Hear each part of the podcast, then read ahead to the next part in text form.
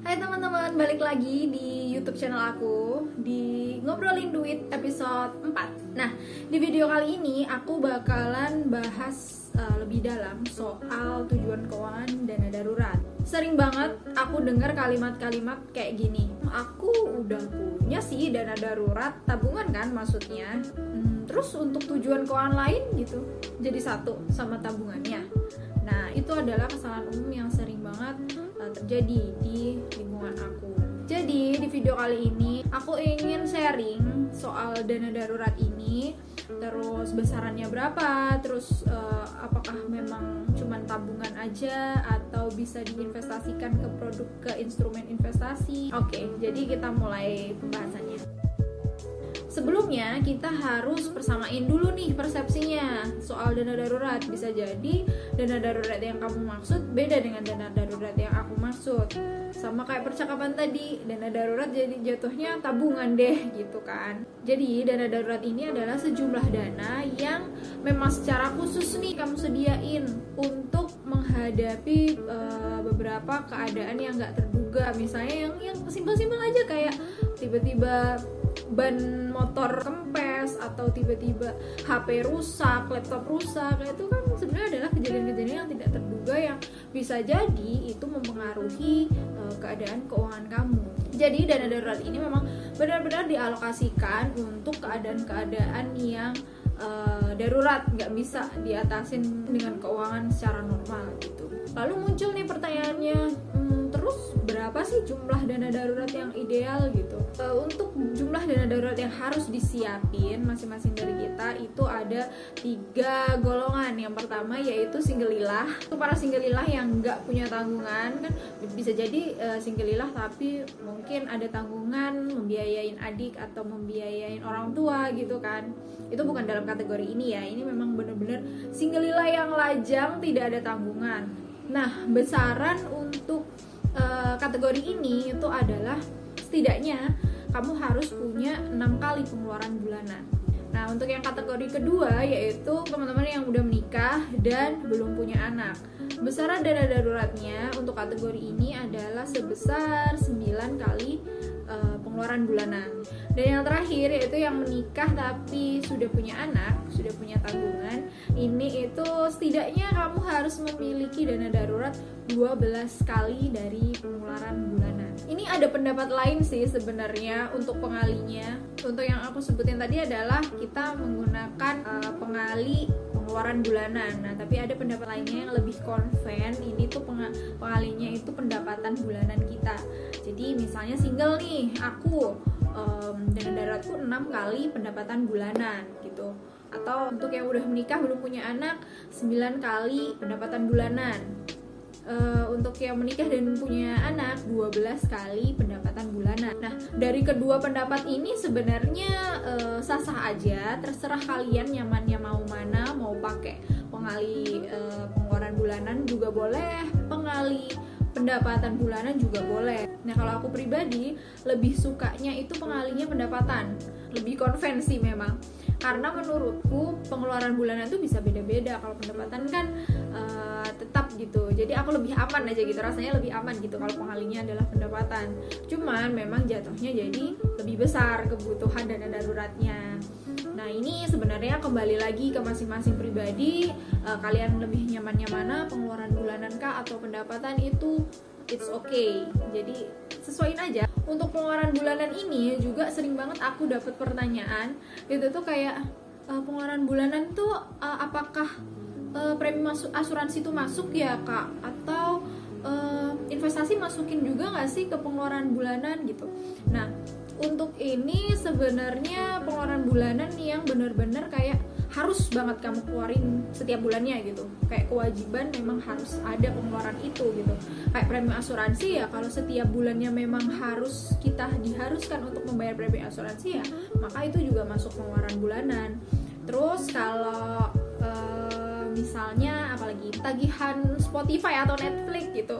Kalau menurut kalian itu memang setiap bulannya selalu ada dan kalian kayak ya itu termasuk budget me time aku. Jadi ya nanti kalau nggak ada itu jadinya uh, mempengaruhi gitu misalnya ya. Itu juga bisa masukin di pengeluaran bulanan itu termasuk pengeluaran bulanan. Nah kalau investasi ini memang aku pribadi nih ya kalau aku pribadi aku masukin. Karena aku pakai yang pengalih pendapatan juga kan. Nah untuk uh, pengeluaran investasi itu juga bisa aja dimasukin ke dana darurat malah lebih uh, aman. Jadi misalnya nih ya kalian ada keadaan darurat misal tiba-tiba di PHK jadi mempengaruhi nih mempengaruhi pas pemasukan kita nih. Nah ketika kita ngeposin investasi juga masuk ke pengeluaran bulanan nantinya ketika penghasilan kita berkurang kita tuh tetap masih bisa investasi gitu. Karena kan ada ada pos investasi kan di dana darurat kita gitu. Jadi amannya memang memasukkan investasi di pengeluaran bulanan itu. Tapi kalau misalnya berat nih kak kalau dana darurat masukin pos investasi juga gitu. Ya untuk awal-awal nggak apa-apa sih nggak nggak usah masukin itu. Itu sebenarnya tergantung ke, eh, ke kenyamanan kita aja gitu gitu. Cuman kalau masukin pos investasi ke dana darurat memang lebih efektif aja gitu. Kita akan tetap melakukan investasi atau melakukan tabungan meskipun uh, nantinya misal ada kejadian terduga yang mempengaruhi pendapatan kita gitu. Nah mungkin kita langsung masuk ke contoh aja ya contoh perhitungan nih. Kalau ada yang bingung-bingung kita langsung masuk ke studi kasusnya. Jadi misalnya nih aku ya ngambilnya dari data tahun uh, data bulan lalu aja. Jadi data dari pencatatan bulan lalu berapa sih? Misalnya pengeluaran bulanan aku itu 6 juta tuh misalnya ya. Dan dan aku single gitu tinggal dikali aja. 6 kali 6 juta berarti butuh 36 juta untuk dana darurat untuk pos dana darurat. Nah itu untuk pengali pengeluaran bulanan.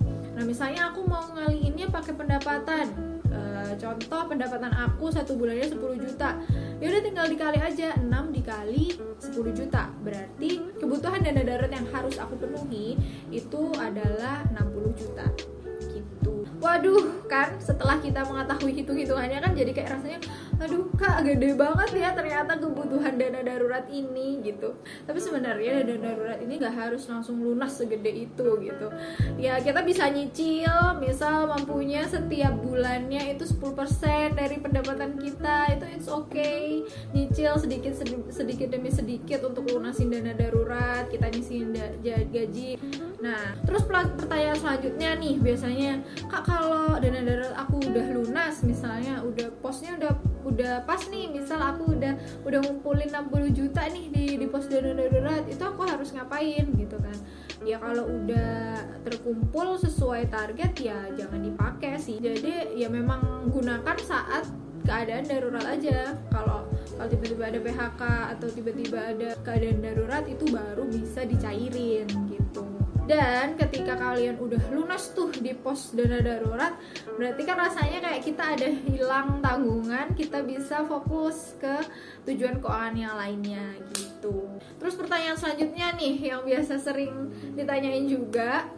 Terus uh, si dana darurat ini nyimpennya di mana sih? Apakah uh, tabungan aja ya kak? Atau cash ya? Atau disimpan di balik bantal ya gitu kan? Nah uh, untuk penyimpanan dana darurat ini nggak terbatas cuman uh, rekening aja. Jadi kalian bisa juga uh, masuk ke instrumen-instrumen produk keuangan. Untuk syarat uh, produk keuangan yang cocok untuk menyimpan dana darurat itu adalah alim singkatannya.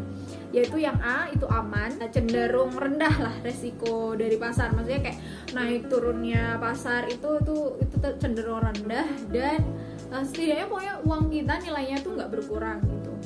Terus yang kedua yaitu liquid. Liquid di sini tuh mudah dicairkan bentuk uang.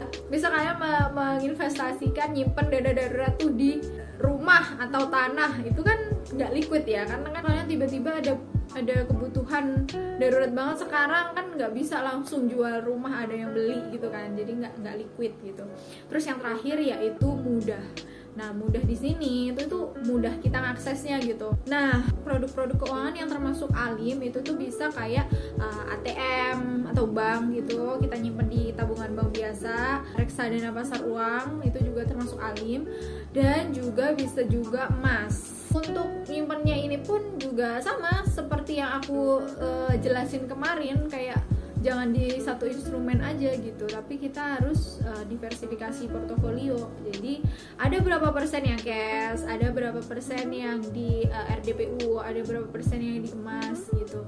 Jadi ketika ada yang satu yang turun nggak nggak kalau kita 100% ngasih ke satu instrumen kan uh, akan turun kan semuanya jadi kalian bisa nyimpennya tuh berjangka misal uh, ada yang 10 persennya di ke ada 20 persen di tabungan.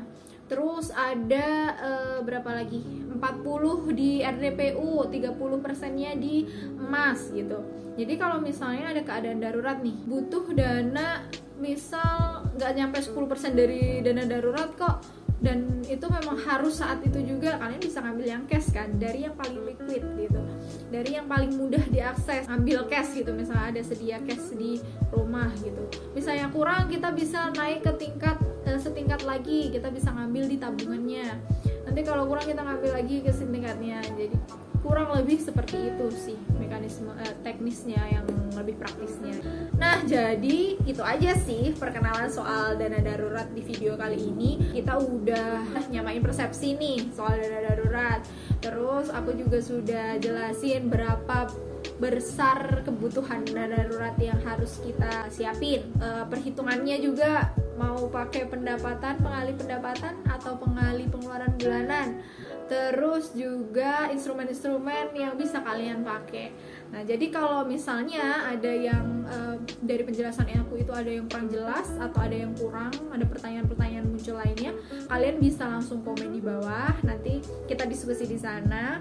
Semoga bermanfaat. Kalian juga jangan lupa untuk cek di Instagram aku. Aku sering sharing di sana soal keuangan, financial planning, investment, terus ada banyak macam-macam. Biasanya tiap Senin sih untuk yang keuangan. Dan juga jangan lupa nonton episode-episode yang lain yang ngomongin duit. Mungkin bermanfaat buat kalian. Kalian juga bisa share ke teman-teman kalian biar makin banyak yang tahu. Jadi uh, ilmunya itu bisa kepake gitu. Oke deh jadi itu aja. Sampai jumpa di video selanjutnya. Dadah